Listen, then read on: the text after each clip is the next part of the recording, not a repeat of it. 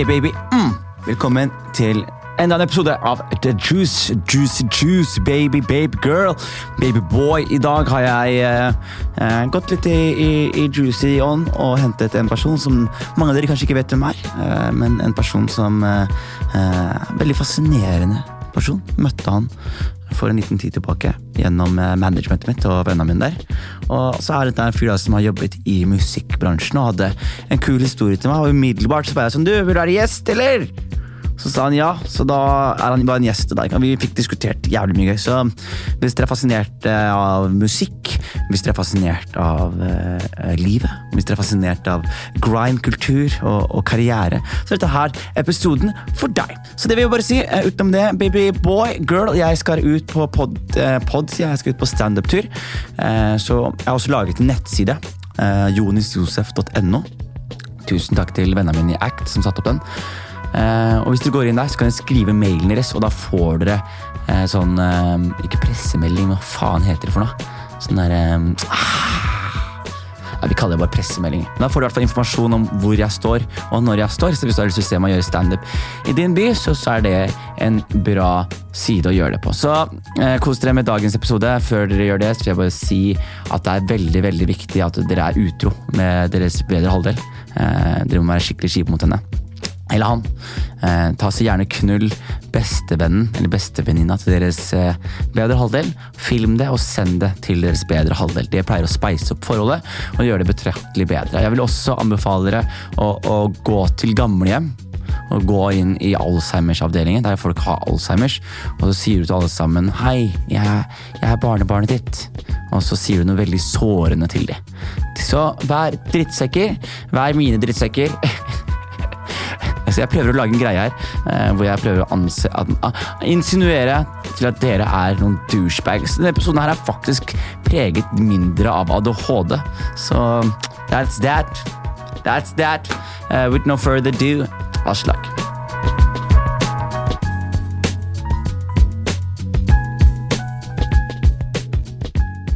Ja, ja, ja, ja, ja! Vi er i gang! Hva skjer, mine damer? Eller, hva skjer med deg? Velkommen skal du være, Aslak. Takk, takk.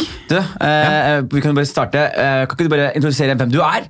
Eh, til denne Altså, Du må vite at det her er en veldig rar podkast. Ja. Det ikke Jeg har liksom- hørt på den. Du har hørt på den? Jeg har hørt uh, fem-seks uh, episoder. God damn! Hørt på første episoden. Med Styggtann? Første dagen. Ja, ja, ja. Jeg kjenner jo Styggtann fra Det er jo ADHD-episoden, det. Ja, den er moro. Den er moro. Helvete. Eh, så Men så har jeg hørt på, hørt på Lille Philip her. Om, Ja. Eller Lille Philip, det er feil å si. Han blir stor nå. Han blir stor. Han blir stor nå. Store Philip. Big Philip. Big Philip. Nei, så, så, det er, så det er jo en podkast hvor eh, jeg eh, ikke helt vet om jeg har samtaler eller har intervju, men hvor jeg i hvert fall har interessante mennesker Ja. som uh, ikke nødvendigvis blir invitert til Farmen kjendis. Ja, Hyggelig å bli invitert hit. Er, det er, er, for de som ikke blir invitert til Farmen kjendis, de blir invitert hit. da. Ja, Deilig. Så kan du bare si, hvem er du? Uh, Aslak heter jeg. Uh, manager for, uh, for diverse musikkmennesker. Du har vært i musikkbransjen en stund. Vært i musikkbransjen en ganske god stund, altså. Hva er det for noe? Eh, altså, jobb, bare sånn på liksom, Da jeg jobba med major labels, og sånn, så det, det starta jeg vel med i 2009. Eh, men før det så holdt vi også på med litt produksjon og sånn med en kompis. og litt sånn forskjellig, Så jeg har jo liksom holdt på i ja, så Det er nesten snart 20 år da, som han har holdt God på, men liksom sånn pro, altså, profesjonelt uh, jobba med det, tjent penger, ikke gjort noe annet, så er det vel uh, så 12-13 års tid. Eller, ja, Og det er jo en bransje hvor det ikke er bare bare å komme seg inn og tjene penger. Nei, nei, det tar tid, det. Det, tar tid. det. God damn. Og, du- og, og det er du har prodda sjæl og sånn før, eller? Nei, jeg, jeg hadde en kompis som prodda, Ja. og så, og så eh, eh, var det ikke den beste på business, liksom, så jeg drev og hjalp han litt da, med de tinga der. Eh, men jeg har jo Det har jeg snakka om på andre steder òg, men jeg, jeg rappa før, da. Rappa du før? Jeg rappa før, ass. For hvem, da? Jeg rappa for meg sjæl, da. Altså, Hva, hva, hva kalte du da? Azilla kalte jeg meg. Azilla? Ja, jeg God kalte, damn, kalte boy! det. Så jeg har eh, litt uh, Kjederud Sun og Light og sånn? Ja. ja låter med han. eh, Hadde du det, eller? Låter med Warlocks. Uh, Så du sånn var eh, TP, eller? Nei, jeg var ikke det, men uh, jeg var for meg sjæl, jeg. Var for meg selv, og med gutta mine. Men, uh, men eh, hvilket sted var det dere rappa, liksom? Hvilket sted jeg rappa? Jeg liker rappa. Altså, oh, ja, hvilket sted jeg, jeg rappa? Ja, når man rapper, så Nei, men du vet, jeg, jeg har liksom eh, Jeg har, eh, jeg har flytta mye i, i oppveksten. Ja. Så jeg hadde aldri sånt sted som jeg rappa. Det gjør jeg ikke, men, men eh, helt sånn på slutten av liksom rappkarrieren Jeg var seks år i London, så hver gang Så hadde jeg liksom et crew der borte. da og så hver gang liksom stress, gamle stress og sånn skrev man, så var det alltid sånn ja, London, og det var sånn London crew, og det, det var det som var The guys from the ends. The ends, ja, ja, men det, det som var jævlig fett med London på den tida, for jeg dro dit i 90, nei, 2000, dro jeg dit. Yeah. Så bodde jeg her til 2006. Oi! Så at det, det som var kult da, var at liksom når jeg først flytta dit, så var det liksom sånn, sånn gammel two-step garage, sånn Artful Dodger og sånn, men all grimen og sånn begynte i den perioden som jeg var der. Så jeg fikk med meg liksom hele, hele starten på grime mens man var der. Eh, altså hele liksom Kano, Dizzie Rascal, Ja. hele den perioden her. liksom Når Wiley hadde Eski-beaten som på en måte la grunnlaget for hele sjangeren og sånn. Ja. Og Så det var en jævlig fet periode. eh, og nå gjør jeg jo mer popting, liksom. Mm. Det er ikke til å komme fra det. det er, gjør veldig lite liksom, uh, ting som ja, I hvert fall sjeldnere og sjeldnere liksom, Ja. Rap-ting og sånn. Men, eh, men eh, på grunn av at jeg har den gamle historikken, så prøver jeg liksom å følge med. Men, men eh, det er i hvert fall kult at liksom, man har vært der fra starten og fått med seg liksom, hvordan hele det greiene begynte. Da, og fikk vært på liksom mye konserter der man ser liksom eh, artister som har blitt ganske store nå, liksom. Ser de fra, fra scratch, liksom, sett de når det er liksom 200 mennesker der, 100 mennesker der. Eh, hørt folk på piratradio før altså, For det her var jo før, når Grimen starta, så liksom det var ikke svært. Liksom. Det var undergrunnsfenomen. Folk solgte mixtapes på gata, og, og det var piratradio. Liksom. Så vært der og, og, og fått med seg starten på det og se hvor det har kommet hen. Det setter jeg jævlig stor pris på. Jeg husker jo at eh, jeg var, jeg var veldig sånn hiphop-fan da jeg var kid. ikke sant? Som Ja, var litt når når du var i London. da, da jeg begynte, når, Husker du G-Unit? Det var i 2004, var det ikke det? Ja, ja, ja. Og jeg husker at jeg bare automatisk jeg var så kontrær, så jeg begynte å gå tilbake til sånn eldre hiphop. Og, og så begynte jeg å sjekke London-hiphop, og det var det. Jeg husker at det var alltid sånne videoer av sånne kjellere. Og bare sånn, Mye kjeller, ass. Mye kjeller, Og så lave tak, Ja, ja, og så er det bare Sykt mye kjeller. Mm. Og så er det bare Og så var det en helt annen rappstil. Ja, helt helt annet. Og så merker man at det liksom Og det var så sykt fett, fordi de var så jævlig opptatt av ikke være amerikaniserte. Ja. Det som, det som er liksom mye av den grime altså, Det som var så sjukt når jeg først flytta over, var at mye av liksom klubbscenen da altså, Du hadde sånn two-step garage og liksom ting som er nesten sånn R&B-vibe-ish. liksom.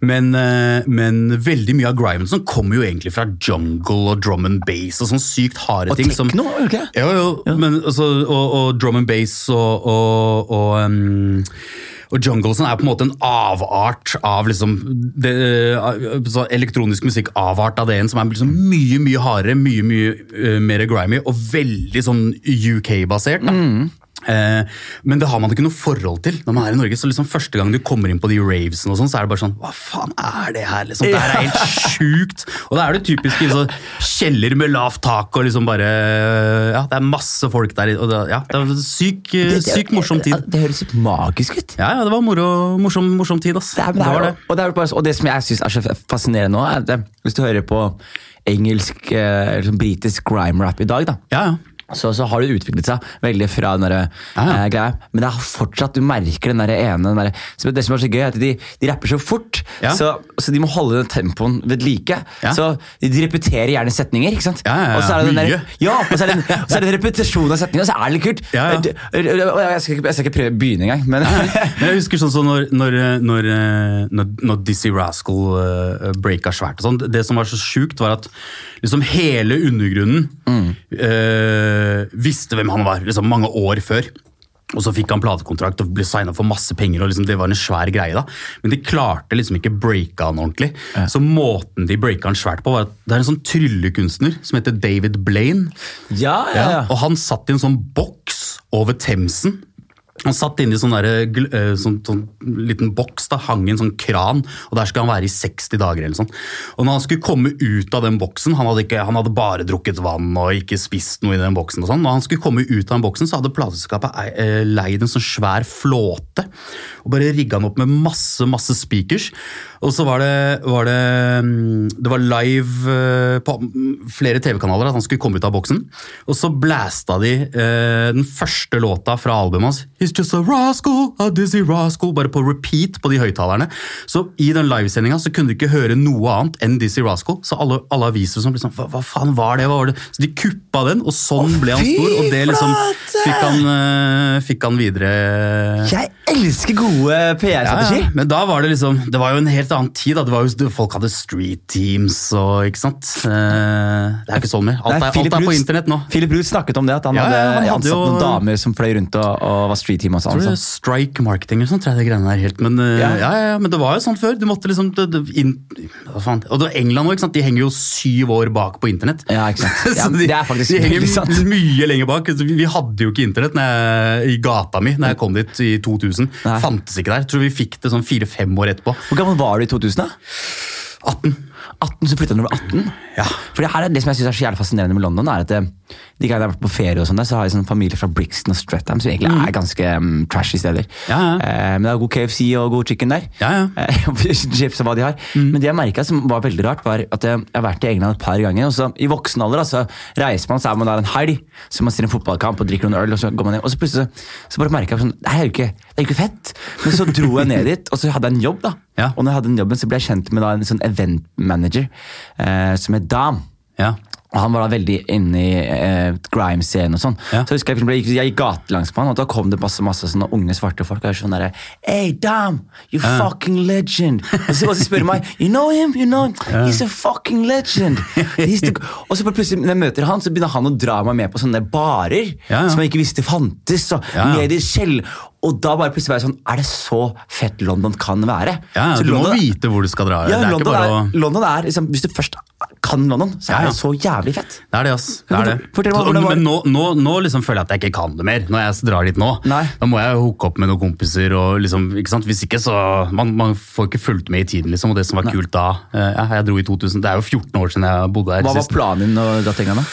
Øh, jeg flytta dit egentlig først med, med, med familien, for faren min jobba der. Oi! Så det var først, og så blei jeg igjen når han dro, og studerte musikkmanagement. uh, I London? I London. Og så, når jeg var ferdig med det, så fikk jeg, fikk jeg noen liksom, jobbtilbud om å bli igjen. Men ikke sant, engelske lønninger det er jævlig dårlig, da. Det er det, altså. så, så derfor så, så kom jeg hjem igjen, rett og slett. For jeg, jeg begynte å se på det sånn, ok, Enten så kan man jobbe her i musikkbransjen og tjene liksom ingenting, og du må bo i London og bo i et kollektiv med sju folk. Ja. Eller så kan du liksom gå hjem og jobbe på Rema og tjene dobbelt så mye penger. Ja. Så eh, det, rett og slett et litt sånn kynisk eh, valg, så da dro jeg, dro jeg hjem igjen. Mm. Og så eh, prøvde jeg å begynne å, eller prøvde jeg å få jobb i, i musikkbransjen her. Men Rappa du da når du kom tilbake? Ja, i ett år eller to. Så det, Var det da du dabba litt av? eller? Ja, dabba det litt da, for da, liksom, da, da måtte jeg få meg jobb og bli, bli voksen, liksom. Ikke sant? Da dabba det fort da, og så, og så innså jeg det også at liksom, eh, jeg var nok bedre som bakmann enn, enn som artist. Det var ikke så vanskelig, liksom. Jeg hadde andre ting å tilby, da. Så, så, men han Det er mange som skjønner det etter hvert. har jeg Ja. Du ser det i norsk musikkbransje i dag, Ja. så er det så mange av de bakmennene som Ja, ja. på ett punkt har rappet. Spesielt rapp. Ja, mange, ass, mange. Men det, men det er også liksom, til og med hvis du ser på eldre generasjoner, sånn som når jeg, eh, altså, når jeg begynte å jobbe for plateselskap, da var det ganske få som på en måte hadde For da var det liksom rocken som hadde styrt alt, liksom. Men det var det samme da. Alle de som jobba i plateselskap, sånn, var jo veldig mange liksom, gamle rockere og sånn, som på en måte hadde faila som artister. som hadde endt opp med å jobbe bak scenen. Så det blir jo, det blir jo sånn spesielt i et lite land også, ikke sant. Ja, ja. Men, eh, Sverige er jo det samme. liksom, Tenk Max Martin og sånn, som har gjort liksom, Backstreet Boys og, og uh, Britney. Er det fra og, Sverige? Max Martin. Ja. Max Martin er svensk. Ja. Jeg vet ikke hvem han er. Nei, Han er verdens største produsent. Oh, ja. Han har mest Billboard uh, nummer én og mest Billboard altså, av alle Produserer eller skriver han? Produserer og skriver, begge deler. Oh, ja. Men nå har han jo sant, han er på toppen, altså han har et team av folk som jobber under seg. Og, så Han er sikkert ikke så hands on mer i alle prosjekter. Det hadde ikke, jeg, det hadde ikke jeg heller vært. Nei, men han er sånn. jo, han er jo metal-trommis. Han er det, ja. Ja, egentlig. Så han eh, Det er så sjukt! Han kommer jo liksom fra den delen, og så plutselig så gjør han Britney og Backstreet. Liksom. Jeg, jeg syns det Så- er så sjukt. Det er helt sjukt. De hjerne, hjernene bak sånne popgenier. Ja. Det er ofte sånn derre ja, Dette er en fyr som, som virkelig er opptatt av musikk, da. Og Ja, så plutselig så, nei, så går de hjem, og så Nei, jeg skal skrive av ABBA. Eh, Mamma. Mia, liksom. Og så gjør de det, og så tjener de en milliard der, og så fortsetter de å bare uh, Ja, jeg Altså, synes, Anders Nilsen òg, som jeg jobber med. ja. Du vet, Han er også metal-trommis. Anders Nilsen. Anders Nilsen, ja. Han, Komiker Anders Nilsen. ja, ja, ja, Ja. ja, han var jo øh, Han, han, øh, han var metal-trommis. Spilte i metal-band og var trommis og sånn. Og så, og så var han litt komiker og skrev noen jokes for Senkveld. og så fikk han den Salsa Tequila-låta som bare skjedde, og så bestemte han seg for å slutte med alt. Og bare bli eh, produsent. Og, han, og det går jo så det suser. Ja, det går fint. Herregud, går fint, han har jo den der Haugenstua-låta sist. Han Ja, ja. har faen meg Hvor mye er han har? Altså, alle, jeg tror alle låter som har plaget meg Ja. siste året. Ja, ja. Nei, men siden, siden jeg begynte å jobbe med Anders for eh, hva er det nå? litt over to år siden, så har vi hatt syv nummer én i Norge. Dere, dere har jo produsert Anders. den mest kontroversielle Spellemann-vinneren også. I Sommerkroppen, ja. Er Hansen? Ja, ja, ja. ja, altså, det var jo det, eh, Ingen som trodde at den skulle vinne Spellemann, men når vi kom på Spellemann, og så fant vi ut at det er avstemning. Det var jo det som gjorde det. Fordi de, de, de folka som sitter i juryen, De de, de hater jo det. ikke sant? De kommer jo aldri til å stemme fram det, men det var jo på en måte, det var jo to Instagram-poster fra Mats Hansen med liksom 'stem her', så bare vant han så solklart at da, da vant han. Men, Mm. men, eh, men altså, var det den beste låta? Nei. Men var det årets hit? Ja, det var jo det. Det var det. det var jo årets hit, liksom. var- Ja. Og så var det så gøy. Jeg, jeg, var på telefon med han her om dagen, faktisk, Mats Hansen. Han, Ja, ja. han inviterte meg til et program, også. Ja. så sier jeg bare sånn Du, forresten, er, det ikke, er du ikke lei av å bare liksom, være frekk, liksom? Så sier Ja. du hva mener. Så jeg altså, boka di er den mest selgende boka i Norge akkurat nå. Så sier jeg nummer to Jo Nesbø. og tre Seshan Shakar. Og, jeg bare, og Gul bok er en jævlig bra bok, sier jeg. Jo Nesbø sin bok har jeg ikke lest, men det er Jo fuckings Nesbø. Ja, ja. Og så kommer din, min Insta-story og bare Insta-story. bæsjer på ja, men det er jo, det, Du gjør akkurat det samme som du gjør med musikeren. Du bare flytter deg fra bransje til bransje. til Ja, helt sjukt, helt jeg bare sjukt. gruer meg at når han setter opp et standup-show og selger. Spektrum ganger 11, liksom. Ikke sant? Det kan skje. Nei, men det er jo litt sånn derre øh, øh, Flere av de jeg jobber med, vi har jo på en måte mange av de har jo gjort litt sånne låter òg. Raske briller, Haugenstua, Sommerbruk. Anders har gjort de. Ja. Så, så uh, jobba jeg med en som heter Jesper Borgen, som har gjort liksom store store deler. Liksom. Han, han har jeg hørt Ja, han gjorde Faded for Alan Han har vel gjort eh, 10-11 Alan Walker-låter og sånn. ja, fordi det, det er helt sykt når du sier 'gjort Alan Walker'-låter. Ja. Fordi jeg tror alle sammen tror at Alan Walker gjør Alan Walker-låter. Ja, ja. Men, men, men det er et team altså, som hjelper til å, å Ja, Det er jo mange, mange bak. Alan er jo involvert, han òg. Han slipper jo på en måte ikke noe som han, som han ikke liker. Men, Nei, men jeg ser det, men, Ja. så, men når Alan Walker ikke, altså her er greia, Jeg skjønner hvis du er en popartist. Fordi det, det, er det, det er ikke helt skjønner. Hvis du er en. Ja. Popartist, så skjønner jeg. Å ja, Her har du en tekst, her har du en låt. Fremfør dette. Ikke sant? Og så skjønner jeg hvis du er en uh, produsent som du lager en beat, og så gir du den til noen, og så skriver de på det. Eller så skjønner jeg også hvis du er tekstforfatter, hvor du skriver noen andre, og de fremfører. Men det jeg ikke skjønner, er hvis du er en sånn EDM-artist, noe veldig mange er. Eh, så tror jeg liksom eller, i hvert fall, jeg tror kontrakten med meg da Ja. er at liksom, ja, men du har, altså det, er derfor du får lov til å ha på deg den maska og løfte Ja, ja. henda. Fordi jeg regner med at det er du som, Det er du som har lagd det. Men Ja, ja. på et punkt da, så er det sånn hvis du er en EDM altså det, All respekt til folk som driver med altså, Jeg liker ikke jobben deres i det hele tatt, men på et punkt så må man stille seg spørsmålstegnet. Spiller de bare av låter? Ja, eh, altså Det er jo litt sånn derre eh, Jeg husker når jeg jobba på EMI, Ja. plateselskapet for mange mange år siden. Ja, jeg trodde det het EMI, ja, men Ja, EMI. EMI, EMI, Hva, er det EMI gjør, bare? Så Signerer og markedsfører artister liksom, og, og pusher musikken deres. Men, eh, men eh, da jobba vi med David Getta. Ja! Og så, og så husker jeg jeg var i Gøteborg, for han skulle spille på Ullevi. Svær stadion med liksom 40 000 mennesker der nede. Mm. Og da kom han, i, kom han i privatfly til Gøteborg. Så tok han helikopter fra flyplassen og til utafor stadion, og da hadde han bare en iPad under armen. Og han plugga inn iPaden, trykka play, og så liksom sto han og fistpumpa, liksom. Og så var det videre til neste gig. Han hadde 40 000 mennesker! han hadde, han, hadde, han hadde vel eh, to gigs den samme dagen, tror jeg. Men, men det er jo liksom Nei, det er, det er sinnssykt! ja, men det, du vet, det, er, det er ikke bare en EDM eh, altså EDM-greia er jo veldig mye sånn live, og det varierer jo også hva folk gjør på låter der. Men, Ja. men altså, det er jo det eh, Så jeg, jeg var i EMI, så var jeg i Universal i mange år, og så slutta jeg å lage mitt eget management. Ja. Og så I begynnelsen da skulle jeg jobbe med artister, og så eh, etter hvert så har det bare blitt sånn at jeg jobber med mer produsenter og låtskrivere og bakmenn. Det er vel litt digg å jobbe med de, er ikke det? Superdigg. Det, det er jo som å ha folk som sitter på, sitter på kontor. Du er manager for noen som sitter på kontor, Ja, ja, ja, og så slipper du å ha fotoshoots og videoer og, Og PR og Alt mulig sånt. Slipper det, ikke sant? Så det kun den kreative prosessen og selve dealen liksom, rundt låta. Men, det, men det vi, mye av det vi gjør nå, er jo på en måte eh, Altså, vi lager låter, Mm. og så pitcher vi hele låter til folk, liksom. Eh, det kan være norske folk, eller svenske folk, eller internasjonale folk. Mm. Eh, og, og da, sånn at vi på en måte vi selger låtene, da. Ikke sant? I full pakke. Ja, eller av, Eh, ne- eller det- da- noen, noen, ganger, noen ganger så tar de hele låta som den er, og så bare spiller de en ny vokal med en ny artist, og så er det det. Noen ganger så gjør de jo mye, og så har man gjort kanskje 50-50 på det ferdige produktet. Det varierer ve- veldig mye, da.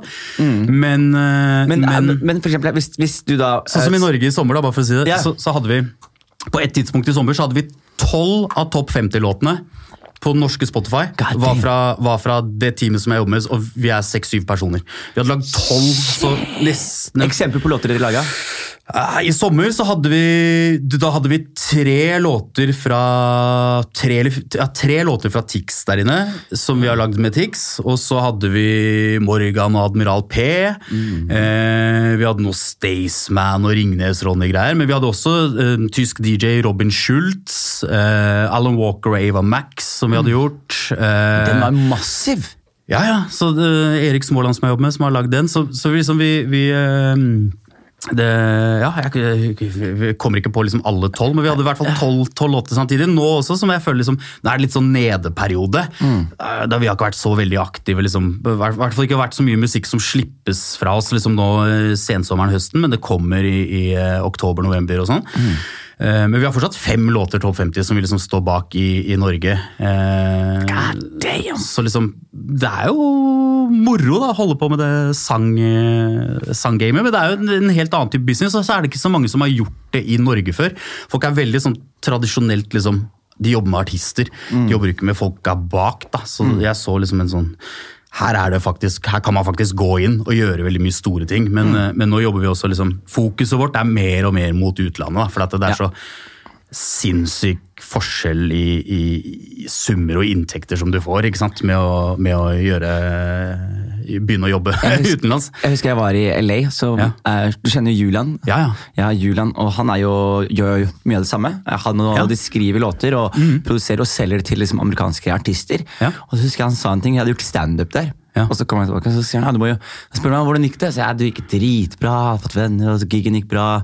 Jeg ble booka til flere gigs. Så sier han, ja, du må jo flytte ut da. Så sier jeg, ja, jeg er ikke helt sikker. La meg bare si en ting. Sier han, LA er akkurat som Norge, bare alt du gjør, tjener du null ekstra bak og dollartegn foran. Altså, altså Hvis du gjør akkurat det samme som du gjør i Norge, Ja, i LA, så, ja. for, så tjener du dollartegn foran og ekstra null bak. Ja, ja. Som, sånn der, som sier mye om potensialet der ute. Ja, ja. Nei, men gjorde du det på engelsk, eller? Jeg gjorde det på engelsk. Ja, fett, Ja, ja, fett. det er veldig gøy. Så det er, så det er jo, Man merker det umiddelbart, men det jeg lurer på igjen når det kommer til sånne låter og sånn, er jo sånn der, fordi Hvis jeg har skjønt det riktig, så er det sånn at hvis du da selger låter, så er det da at uh, når det er streamingpenger, Mm. blir ikke det da splitta 50-50 mellom tekstforfatter og produsent? Ja, litt Streamingpengene er ikke sånn, men, men ra, altså, offentlig fremføringpengene, det som på norsk folkemunne kalles for tono, Ja. det blir veldig ofte splitta på, på den måten. På tekst og altså, produsent?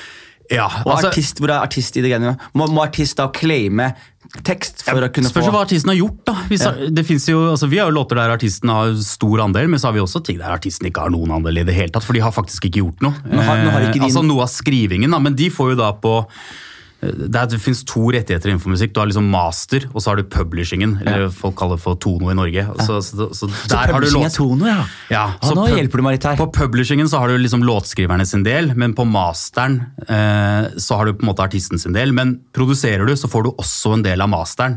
Så produsentene er de som egentlig vinner på den nye streamingverdenen vi lever i? Ja, ja, i hvert fall min tanke har jo vært at etter hvert som jeg tror vi er i ferd med å liksom eller er i ferd med, vi er godt inne i et sånn eh, et sted nå der eh, folk bryr seg ikke så veldig mye om artistene mer. Jeg tror at generelt sett, da, hvis du ser på befolkningen som helhet, så, så bryr folk seg mye mer om låter, enkeltlåter. Og den lojaliteten som kanskje vi hadde når vi var unge, Bill-lojalitet. sinnssyk, ikke sant? Det, eh, Har folk plakater om dagen, liksom? ja, nei, det, vi har jo ikke det. ikke sant? Men, men jeg tror at den lojaliteten der, der som folk hadde før, og så enda lenger før oss igjen sant? Hvis vi ser på 80-tallet, 70-tallet, 60-tallet, der folk var sånn superlojale mot den, de artistene de likte. Det er på en måte litt sånn på vei ut, og folk er mer sånn Nei, jeg digger den låta der, og hvor har de hørt det? Det er ikke sikkert de vet hvem som står bak låta engang. De, de bare kom opp i en playlist, så har de dratt den over i sin egen playlist, og så vet ikke nødvendigvis hvem som står bak. Da. Så, så å bygge opp den lojaliteten, det tror jeg er noe av det vanskeligste for artister i dag. Mm. Og, og liksom få en fanbase som følger med alt de gjør. Det er dritvanskelig. Og det er Sosiale medier er også litt kompis der, da.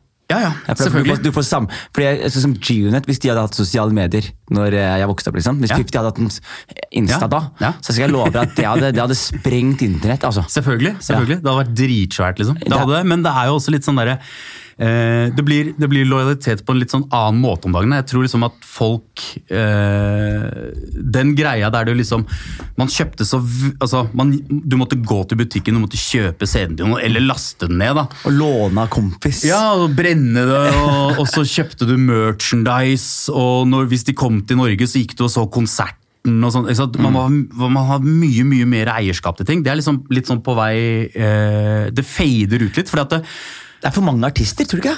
jo, og det er veldig mange som ikke burde være artist. Det er- det er Eh, absolutt. Utrolig mange. ikke sant? Og så er det jo, så har det jo blitt sånn at Folk som Mats Hansen, Har, hvis du er kjendis og har en stor Instagram-kanal, så kan du bare slenge ut en låt, og så går du nummer én. Og, det, og, det, og det er, så sitter det artister da, og så jobber de knallhardt liksom, hver eneste dag i mange mange år, og så kommer de ikke nær. ikke? Så jeg, Det er jo øh, bare et, et øh, ja, hva skal jeg si, det er, det er jo bare et resultat av, av måten samfunnet er på. Det finnes jo ikke massemedia mer på samme måten. ikke sant?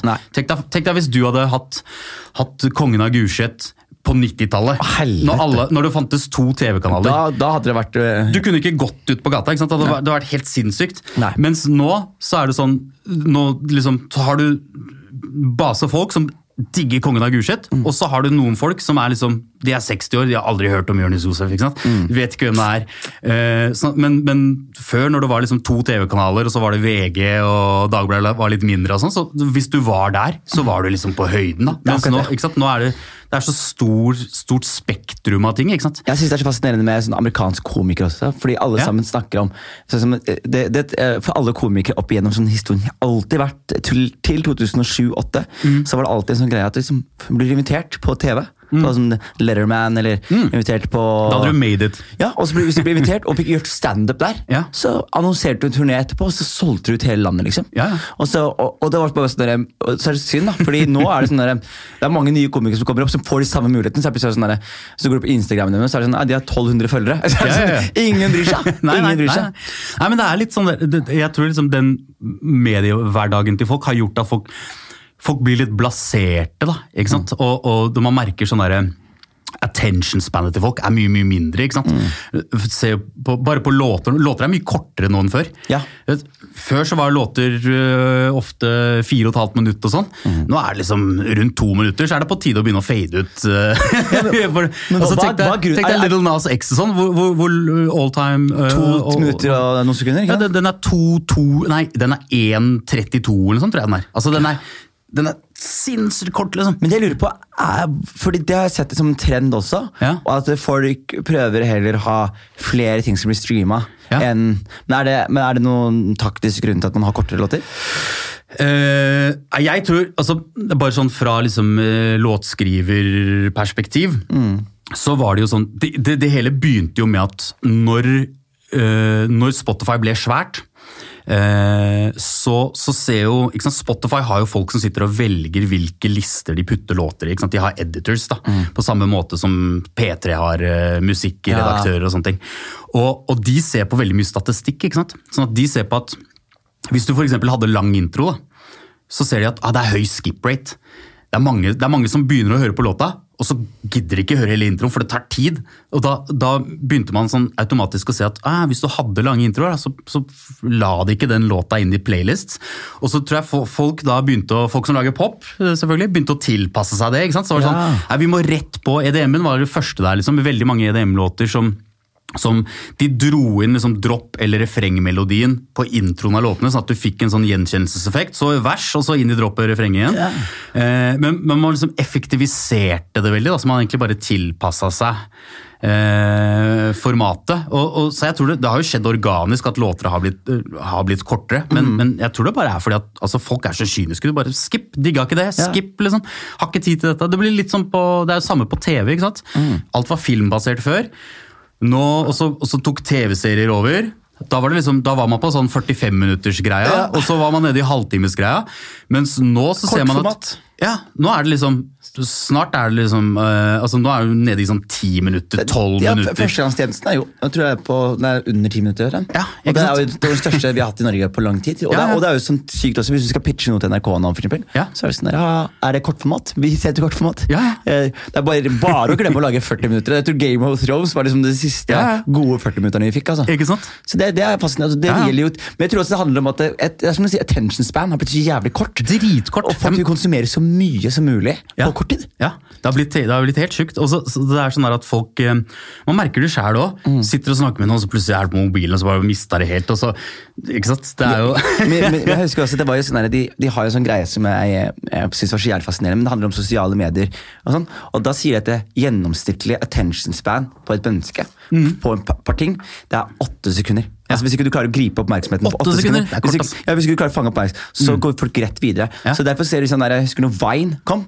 Ja. Det var jo sånn, det var kalkulert til Anders sju Nilsen var stor på Vine. Dritstor. Ja. Og da husker jeg det er sju sekunder. Og da var det sånn derre det, det var det folk orka. Ja. Det var det folk orka. Syv sekunder. TikTok er dritstort. Ja, ja. Kort som faen. Kort som faen. Og, så, og, så ser du sånn, der- og det som er synd da, er sånn derre eh, Fordi et resultat av det her tror Mm. jeg langsiktig blir at eh, gode eh, historier som krever litt god tid, Mm. Ja, kommer til å bli byttet ut med liksom Ja. korte sketsjer. Kort, altså Om ti år så ser vi TV-serier som bare er sånn derre Ja, ja. Altså Det er bare korte sketsjer som går sånn Ja. her. liksom Ja, drit. In, en Alt er one-liners. En Insta-story Ja. er faen meg Så man kan sitte og sveipe, liksom. Jeg synes det er litt skremmende, men også samtidig sånn uh, i, I et verden hvor flere og flere og flere skal underholde. Altså, eh, eh, Ja. Jeg tror liksom Underholdning var liksom litt lukka før. Folk jobba ute med greiene sine. og så Skrudde man på TV-en eller kjøpte dine album, og så, så var det sånn Nå skal jeg bli underholdt av denne personen eller denne tingen her. Ja. Men nå har man sånn konstant underholdning fra Hele alle tiden. ender. liksom. Ja. Så det handler, og så er det ikke som at det,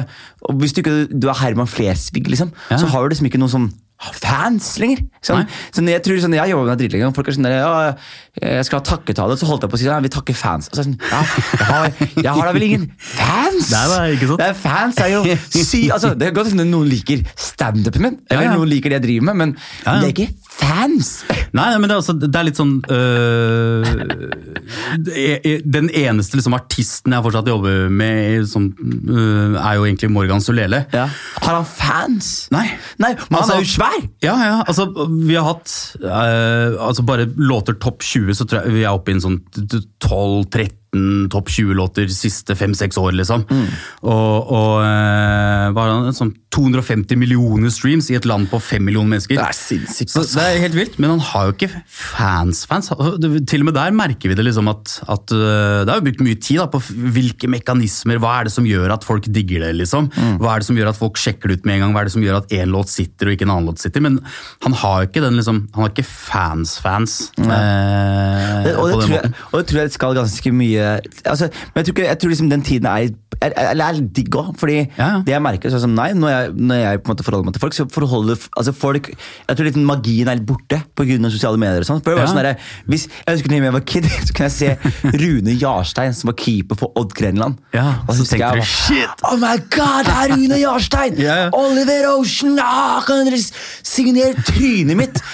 Signere fjeset mitt, liksom. Ja. Og det var bare, altså, det var helt altså, det var sånn, Jeg husker Fernando de Ornelas fra midtbanespiller. Nummer Ja. åtte for, jeg husker jeg, jeg mista huet når jeg så han. Ja. Og så, bare, så tenker jeg på det Så tenker jeg på det nå, så det sånn, jeg kan møte kids som blir sånn «Åh, Er du Jonis? Og så er jeg sånn, ja, Ja. så kan jeg ta et bilde? Ja, Og så tar de bilde av meg. Og så sitter de ved siden av meg på restaurant, og så er jeg ferdig. Ja, ja, det er- det er noe, det er ikke noe mer sånn å, det er bare sånn, å, de, de var sjokka, de tok bildet sitt. De er ferdig. Ja, ja, ja, ja, De satt ikke der og var stoka i to timer til. Nei, så, Nei. så det er bra. Det er bra. Folk har liksom Jeg tror det er blitt menneskeliggjort, disse Ja, ja. eh, Men det er, liksom, det er rart å, å ja, Det er bare utvikling av samfunnet. Hvem, hvem vet uh, hvor det er på vei? Da? Men jeg tror også hver gang noe skjer, så får du en motreaksjon på det. på Ja. en eller annen måte. Eh, sånn at det liksom det, Du kommer jo alltid til å ha ting som er liksom altså Hvis du ser på TV, da, Ja. eller på musikk, liksom, så kommer det, det kommer alltid til å være noen som har stor suksess med et album. Det er, altså, som Billie Eilish-type stil, ikke sant? Der, det, som faktisk går imot strømmen. Hun er. Ja, hun er fans, og, som gjør noe som er på en måte Det er noe helt annet enn det alle andre gjør, og klarer å bygge den store eh, fanbasen, liksom. Men, men sånn Overall så tror jeg at ja, det er som du sier, folk har så mye inntrykk da, hele tiden at det bare det blir sånn, man blir litt sånn blasert etter hvert. Jeg har en teori om at Norge kommer til å bli eh, en av de største landene eh, mus mus innenfor musikk Ja. i verden. Ja. Eh, Hva tror du om det? Jeg, altså Um, Jeg tror at uh, Det som var da, for noen år siden, så, så var liksom Norden i en veldig bra greie, for, en veldig god posisjon, fordi vi var så tidlig ute med Spotify. Spotify ble lansert først i Sverige, og så kom det hit noen måneder etterpå, og så, så lå vi foran resten av verden. Så sånn på å eh, kunne eksportere artister, så var vi et veldig veldig bra sted da. Mens det, etter hvert som resten av verden har fått Spotify, så har det blitt en del borte. Altså, det har blitt litt borte, da. Ja. For at det, nå, det bor så jævlig mye flere folk i Latin-Amerika, eh, og det bor så mye flere folk i Filippinene og Indonesia, de nye territoriene som har fått Spotify, at det er mye vanskeligere for oss å eksportere noe. For det, for tre-fire år siden, hvis du var topp 50 i Norge og Sverige, så var du topp 200 globalt. Og da våkna USA med en gang og så tenkte de, ja faen, vi skal satse på den artisten for at de er topp 200 globalt. Eller du kunne til og med gått topp 50 globalt hvis du var høyt oppe i Norden. Eh, det er flere liksom, norskspråklige og svenskspråklige låter som har vært høyt oppe på listene, liksom. men, men den tiden er på en måte over. men jeg tror sånn Fra et låtskriver og, og, produsentperspektiv, så, så er jo liksom Er vi i hvert fall litt mer i ferd med å nærme oss der Sverige har vært i veldig veldig mange år. da. Ja, akkurat det. Jeg tror, jeg, tror, jeg tror at fordi Det som har vært greia med Norge som har vært veldig fascinerende, er jo at vi er så jævlig mange mennesker som satser kreativt fordi vi har det bra. Vi har det Ja, bra økonomisk, så folk ja, trenger altså ikke å Gode støtteordninger fra staten. Og, om, da? Folk trenger ikke å jobbe på Gæren. De kan, de kan, nå kan de bare Ja, kjøpe seg Fruit Loops og programmere hjemme. og Det er folk De som gjør det. det som fy, bare ja. rakkeren. ikke sant?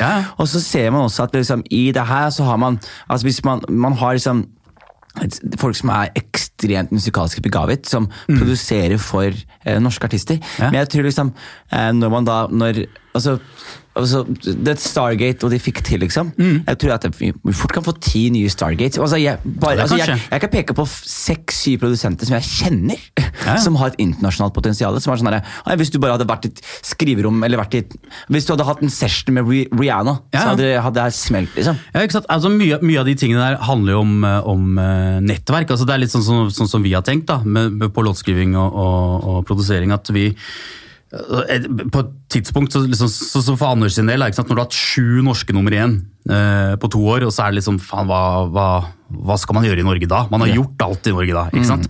Eh, um, så, så har vi brukt jævlig lang tid på å bygge opp et internasjonalt nettverk. Og brukt jævlig mye penger på å reise til USA, Tyskland, England. øh, Stockholm har liksom vært i, i ja, gang i måneden i liksom ti år, liksom, Ja, ja. så kjenner alle der. Men, men vi har brukt ganske lang tid på å liksom tenke oss ut hvor, hvor er det, hvordan er det vi kommer oss dit. da? Hvordan kommer vi oss til det stedet der vi skal klare å eksportere mer musikk? Um, og, Må man ikke flytte? Altså, Du trenger i utgangspunktet ikke det, men det som er, det som er eh, viktig, er at du må for det første ha nettverket, men så må du også ha låtene som gjør at de folka faktisk sperrer opp øynene. da. Ikke sant? Så som vi merka med, med en jeg jobber med, Erik Småland, når han gjorde Alan Walker og Ava Max i, eh, tidligere i år, og så, og, og så fulgte han opp med en låt for en tysk DJ som heter eh, Robin Schultz. Ja. Hvilken låt var det? Eh, In Your Eyes heter den. Nei, det har jeg hørt. det hete. Ja, og så... Det, det var radioplage, var det ikke? Jo, i hvert fall sånn, I Europa så var den topp fem på radio i hele Europa. Og den var topp tre i Tyskland, og sånt, på, på, eh, Og både på salgslisten og på radio. det er- det er dritbra. Det er stort marked, altså. Ja, Men da merka vi, ikke sant, når, vi hadde, når han hadde gjort den låta, så, så merka vi at det liksom, interessen for at folk skulle jobbe med han, da, da var alle dører åpne. Ikke sant? Sånn at når vi tok kontakt med folk da, så var det sånn Hei, vi har en låt som er topp fem på radio i Europa. Så var folk sånn Ja, ja, kom og møt oss, liksom. Ikke sant? Da, fi- da fikk vi møte toppsjefene på alle labels, alle publishere. Uansett hvor vi dro. Alle dører var åpne. Eh, hadde vi kontakta de tre måneder før, så hadde vi fått sånn Nei, men du kan møte han internen eh, Ja. borti nede i gangen, liksom. Og så, Ja. altså, har ikke han noe makt, ikke sant? Ikke sant. Men sånn at det, det, Veldig mye kommer jo an på hvem du kjenner òg, men det vi fant ut, da, i hvert fall gjennom den prosessen, og liksom brukt veldig mye penger på å reise og, og, og møte folk, det er jo at eh, Det vi så for oss, i hvert fall, var at ok, gutta har gjort mye EDM. Eh, EDM er en lett ting å pitche inn. Mange popartister vil jo gjerne være i studio fra, fra, fra dag én og skrive låta sammen med produsenten. og sånn, ikke sant? Men hvis du jobber med DJ-produsenter, så er ikke det like viktig for dem. Du kan pitche en låt, og så tar de den låta, så jobber de litt på den. Eller Ghost-produseren deres jobber litt på den. ikke sant? Det er ikke sikkert de gjør noe sjæl engang. Nei. Og så slippes det. Men det vi merka da, var at til og med liksom internasjonal elektronisk musikk, eh, i liksom innenfor, eh, innenfor liksom, når du snakker store hits, liksom, så er det Hvis du kjenner altså, 20 det er 20-30 personer som tar alle beslutningene og bestemmer hva som blir hits. Ikke sant. Det er ikke mer enn det. liksom. Så det er ak Det lukka rom, altså. Det er så lite, Ja. og, med, og med en gang du, du blir kjent med de riktige personene, og vet hvem de er, og kommuniserer med dem, og de er interessert i hva du kommer med, så kan du i utgangspunktet eh, få ting til hvem som helst. Så, så det er sånn sist nå, bare siden Småland hadde de låtene, så selvfølgelig Jesper som har gjort Alan Walker-tinga tidligere, og han har jo også gjort sånn BB Reksha og Ja. sånt noe også, men, men eh, spesielt etter at vi hadde de to heatsa i, tidligere i år, så merker vi det at det liksom bare gjennom å, å fått de riktige kontaktene fordi de fikk interesse for hva er det de gutta her gjør. liksom. De leverer hits da, som har vært, på uh, toppliste på Spotify globalt. Så, så kan vi i utgangspunktet få låter til hvem som helst, og det gikk sånn over natta. liksom. Er, ikke det, er ikke det sinnssykt? Ja, det er helt sinnssykt. Men er det europeiske markedet altså er, det, er det forskjellig europeisk marked, eh, amerikansk marked, søramerikansk marked, eller er det et globalt marked? Nei, altså Latinogreiene er litt sånn altså, Det er lukka, det er lukka. Det er, det er, det er litt sånn for seg selv, da. Men, men, og, og det vi også lærte mye av, er liksom hvordan, hvordan selger man og pitcher låter. I begynnelsen så var vi ikke så smarte på det. Vi, vi kunne sende folk en dropbox med, med sånn 100 låter. Eller 12-13-14 låter. da, var sånn, Liker du noe? Det blir, det blir for mye for dem. Ja. Så vi har liksom blitt smartere på hvordan vi presenterer det. altså Vi kjører proffe presentasjoner. Av med- låtene, liksom? Ja, eller PDF-er på, på låtskriverne, og, og hvem de er, hva de har gjort før, bioer. alt mulig. Det ser fett ut da når du får det. Mm. Og så pitcher vi sånn veldig konkret sånn Den låta her er til den personen, liksom. Ja. Eh, og, og har lært liksom en god del om den prosessen der, og bare hvordan man egentlig øker hitraten. da. Er det en risiko for at hvis dere sender låter ut, er det en risiko for at noen for tar den i studio, eh, tracker den og på en måte reproduserer? Ja, nei, det, det skjer ikke på det nivået her. For, altså, fordi alle, alle, vi, alle vi på en måte um, Ja, det er seriøse folk, da, men det, altså, det har jo skjedd med mange. Du nevnte G-Unit i stad. Ja. Kompisen min Kim, eller Kakemonsteret, som, som jeg jobba med, med mye før, han som lagde Payboys Barcelona og sånt. Ja, for en hit! Så når jeg starta eh, med musikk da, med han Han har jo en, eh, en, eh, en låt med 50 som kom ut på en sånn G-Unit-greie, som er kreditert til Dr. Dre. Som Han har gjort? Som han har gjort. Og det er hans beat. Å, jeg hadde blitt så jeg Nei, nei, men- stolt eller sur. jeg. Ja, nei, men, men, men de, de gjorde opp for det, da. Men, men den, den mixtapen fantes jo, det står fortsatt at den er prodda. Altså, hvis du ser i, Ja. i albumcoveret, så står det fortsatt at det er Dre. Det klar- klarer du ikke å endre. De Nei. trekker jo ikke tilbake det og begynner å skrive Nei. om. liksom. Det driter de jo. Men han fikk prosentene sine til slutt via noen amerikanske advokater og sånn. Men, så, men, men det eh, si, det, det skjer mindre og mindre. Men det som kan skje, da er jo litt sånn som, eh, som eh, med Fy faen, for eksempel. Ja. Eh, som, som Erik, Jesper hadde den. Nei, Erik Småland, Erik Småland, lagde, lagde den. Og, og det var jo egentlig at Hakim og, og Temur og gutta hadde kjøpt en bit av en fyr på nett. Og så hadde Så ga de den til Småland, og så produserte han den på nytt. Eh, men det som, eh, det som skjedde der, var at de hadde egentlig ikke klarert det. Altså, de, hadde, de hadde kjøpt den, men de hadde, de hadde kjøpt feil type lisens. Ja, da, for ja, låta. ja, det, sånn der, uh... Så de slapp i låta, så var den jo nummer én i Norge, og så fikk de pes. ikke sant? Så kommer det en amerikaner og bare hei, hei, jeg skal ha prosenter her. Så Sånne ting kan jo skje, men ikke hvis du liksom uh, Hvis folk forstår at liksom, det er seriøse, du bruker advokater, og alt, så, Ja. så, så går det greit. Vi, har i hvert fall aldri Hvordan løste Temur-saken? Måtte de bare gi en stor cut til han fyren, da? Eller? Ja, da, da må, de, må de gi- gjøre en deal med, med han fyren. Hvorfor digger ikke å være han fyren, da? Han bare sitter i USA, og så plutselig bare hører han en låt i Norge. Å ja! Tenker jeg skal få en liten eh, check sendt fra Oslo. Ikke sant? Var han amerikaner, eller? Jeg mener han var amerikaner. Jeg var ikke så involvert i akkurat det greiene der, men, eh, men, eh, men eh, jeg, tror, jeg tror han var, han var amerikaner eller engelskmann, tror jeg. Men sånne, sånne ting kan du kjøpe, spesielt i det der kjøpe beats på internett. Og første hiten din, og du er ikke, gjør det ikke Ja, ja. men det, det er. Men jeg tenker sånn, alle bransjer som vokser litt store, sånn som fotball, der det er sånne der, transaksjoner blir dritstore, Mm. Ja, da kommer det fotballagenter og blir sånne ja. Og du ser det i, i TV-bransjen, når ting blir veldig stort, og så kommer det pirajaer. Mm. Hva vil du si er pirajaene i musikk, da? Pirajaen i musikk? Jeg vet, altså, jeg vet ikke, det, er- det er vanskelig å si uh, hvem som er pirajaen i musikk. Men, Ja, men, men hvem- er du- Kan jo fort være det er manageren, da. Nei, da. Nei, men, altså, vil, det, er jo en, eh, det blir jo en litt annen Det som er med musikkbransjen, er at Hvem skal man passe seg for?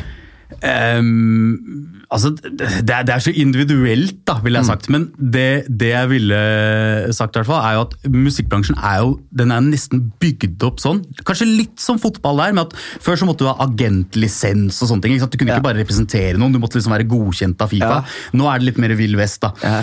Mens- Nå har du en kompis liksom, som lager Ja, sånn, det- det Skal jeg svare mails for deg, bro? ikke sant? Det er litt sånn. Mens musikkbransjen er jo liksom, den er jo satt opp sånn at det er så Altså Hvis du er 19 år, da, 18-19 år og så får du en hit, så er den nesten satt opp sånn at du blir faen meg skrudd uansett. Liksom. Ja, ikke sant? et? Et eller annet sted så kommer det noen og, og, og, fucker deg for noen rettigheter. Altså, det, det, det tar ganske lang tid da, Ja. eh, før du faktisk får, eh, får et overblikk og liksom en forståelse for hvordan det gjøres. For det er, det er jævlig komplisert. Jeg skal bare, bare sånn som eh, når jeg forklarte det med master og publishing. Ja. Og hvis du da begynner med liksom, eh, det som heter neighboring rights eller Gramo-inntekter liksom, Det, det finnes masse, altså, det finnes minefelt av liksom rettigheter og måter å få betalt på. Ja.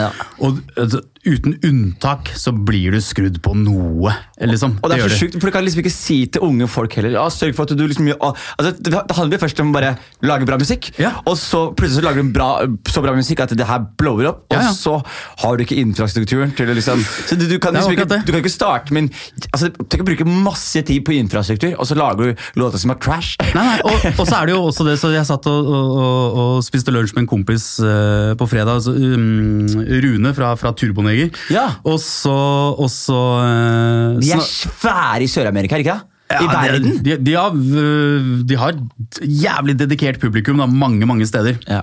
Men, øh, men vi satt og, og, og snakka om det der liksom med, med Så hva skjer hvis du har noe liksom, som breaker litt? da?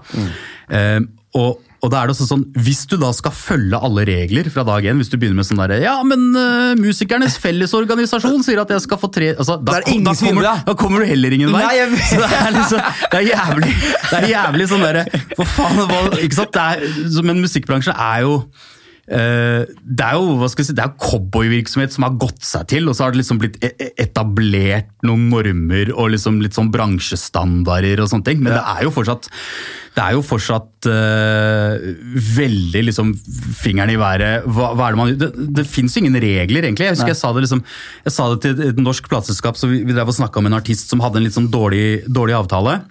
Så ville vi gjøre om på avtalen, og så uh, var jeg med artisten inn til plateselskapet, og, så- og så er de sånn ja, men det er det som står i avtalen. Så sa jeg bare sånn men, vi kan jo bare rive opp den, da, skrive en ny. det er ingenting som hindrer oss, liksom. Det er jo ikke, det er ikke sånn at den er, den er ikke gjeldende for altså, Vi kan, kan bare finne på. det. vi finnes- enige. men Det er et møte. Det fins ikke, ikke noen regler. Du kan, du kan bare rive den opp og bli enige om noe annet. liksom. Ja. Så, så i ut, men i utgangspunktet så er det satt opp jævlig komplisert hvis du er ny, liksom up and coming. Men, men det jeg ville, altså bare sånn tips er jo at eh, det man i hvert fall burde sette seg inn i, da, er jo, er jo eh, altså, eh, tenke, tenke seg godt om før man signerer bort rettighetene sine. Ja. Tenk på at du sitter på liksom, publishing eller tonorettighetene dine, og, og kanskje ikke signerer bort masteren sin heller. Men, men det, de tingene der har også endra seg veldig. Man hører jo alltid om Til og med Kanye hadde en sånn rant Jeg i går. det, Han drev og ranta mot Universal. Var, var det psykose, eller var det riktig? Nei, hvem vet når det er Han Kanye? pissa på Grammyen Ja, og la ut nummeret til han fyren fra Forbes! Ja, ja, men det, altså det, Det er så jævlig gøy. Ja. Og bare, han la ut, jeg vurderte å ringe han, jeg. Ja. Jeg vurderte å ringe han Forbes. Ringe han i Forbes. Men så bare tenkte jeg det er, det er nok folk i innboksen altså, akkurat nå. ja, ja. men det er jo litt sånn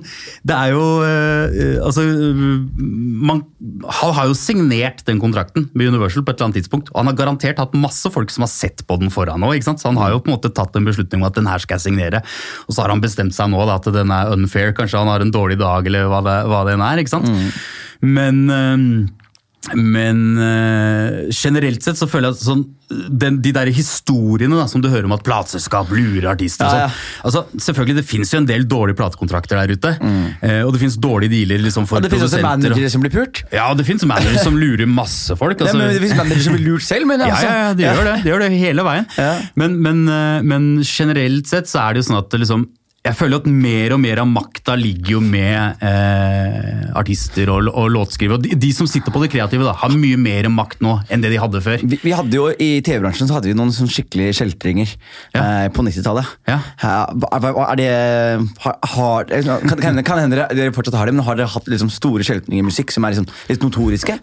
Eh, ikke, ikke, som, altså, ikke som jeg kom på. Det, det jeg kan huske altså, i, Jeg tror bare i, bare i år så har vi i hvert fall hatt eh, Vi har hatt en tre-fire tilfeller med folk som har skyldt oss millionbeløp. altså folk jeg jobber med. Ja, Men de har vi fått tak i, da. Ikke Ja. sant? Men, men det er gammelt opprydningsarbeid, og sånn, så når man begynner å jobbe med folk, så finner man ut at faen, det her er, er stemmer ikke. Og så, men det Ja. pleier å gå seg til. da. Men det er sånne der notoriske kjeltringer. så kom jeg liksom ikke på noen, bortsett fra at når du fortsatt solgte CD-er, Ja! Da var det Vill Vest. Hva skjedde da? Nei, altså, da, da var det jo eh, Da var det noen selskap som blant annet eh, fant ut at prisen på CD-er var jo ikke det samme i alle land, ikke sant? Uh, sånn at uh, ett kontor fra det plateselskapet i Norge kunne f.eks. selge en CD til 20 kroner billigere enn det det tyske kontoret gjorde. ikke sant? Ja. og, da, da fantes det en del sånne selskap som på en måte bare Det de gjorde, var at de fant ut hvor hva prisen var på CD-er i forskjellige marked, og så kjøpte de store kvantiteter Fra de billigste. fra de billigste, og så shippa de det inn i de dyreste og tjente seg søkkrike. Og alle de firmaene lå i Nederland. Alle sammen! så masse, masse nederlendere. Så når jeg jobba på EMI Det er egentlig jævlig kul eh, Det liker jeg. Jeg liker når folk tenker altså, Ja, Kjeltring og skjeltring, det er bare business, det. Når jeg jobba, når jeg jobba på EMI, så var jeg, jeg var commercial director der, eller salgssjef der. Og da, da var det noen sånn småshady nederlender som av og til pleide å komme innom for å sjekke liksom, hva, hva, har dere, hva er prisen deres på CD-er. ikke sant? Og det her var jo heller ikke innafor i de systemene å, å holde på på den måten. ikke sant? For de tyske kollegaene dine eller eh, engelske kollegaene blir dritsur ikke sant? hvis Ja. du har tatt bort tusenvis av Beatles-salg fra han, f.eks. Ja. Men, eh, men eh, de ble jævlig pissed på oss pga. leveringstid. fordi de var sånn ah, 'De her kan vi kjøpe, det er bra. Da tjener vi så og så mange øre per CD.' Og hvis vi kjøper 20 000 av den, da er det business, liksom. Ja. Men så var det sånn, ja, det kan vi levere om en og en halv uke da, til Rotterdam eller whatever. Eh, eh, men, men det han da eh, Det syntes han var jævlig dårlig, fordi EMI Arabia de, de kunne bare lease et fly de, og bare sende det til Rotterdam. på, på 48 timers varsel. Og det var så jævlig ubedre for han, for da kunne han ha det i kjappa på liksom tre dager. Så det var jo, det var jo en periode med mye sånn, men jeg føler at liksom, digitaliseringen har gjort at det er mindre og mindre, mindre, og mindre cowboyvirksomhet. Men det er sånn, når du begynner å lese om plateselskapene på 60-tallet, sånn, Ja. da var det jo da, Alle var cowboyer. Liksom, Ja, ja. Det fantes ingen regler da Nei, det var jo coke ved skrivebord og løse avtaler over hele linja, liksom. Ja, ja, ja. Mye rart, ass. Nei. Mye rart. Mye rart. Vi kan jo avslutte med et lite spørsmål. Ja. Hvis du er, hvis man er ung i dag, eh, satser på musikk, Ja.